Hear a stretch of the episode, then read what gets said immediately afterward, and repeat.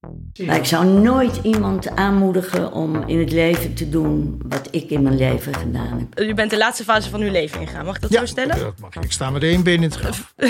Je moet dingen doen waar je heel veel lol aan beleeft, waar je plezier aan beleeft. Ik heb als, als jongere dus eigenlijk iedere zaterdag gedemonstreerd. Ik hoorde s morgens waar het tegen was. Jongelui, dit was een grapje.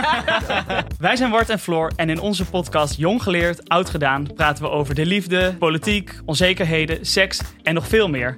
Zo fantastisch, zo fantastisch. En dat doen we met 70-plussers waarvan we hadden gewild dat het onze opa en oma waren. Beter, De meest wijze van Nederland. Beter jong geleerd dan oud gedaan. Ik vond het enig.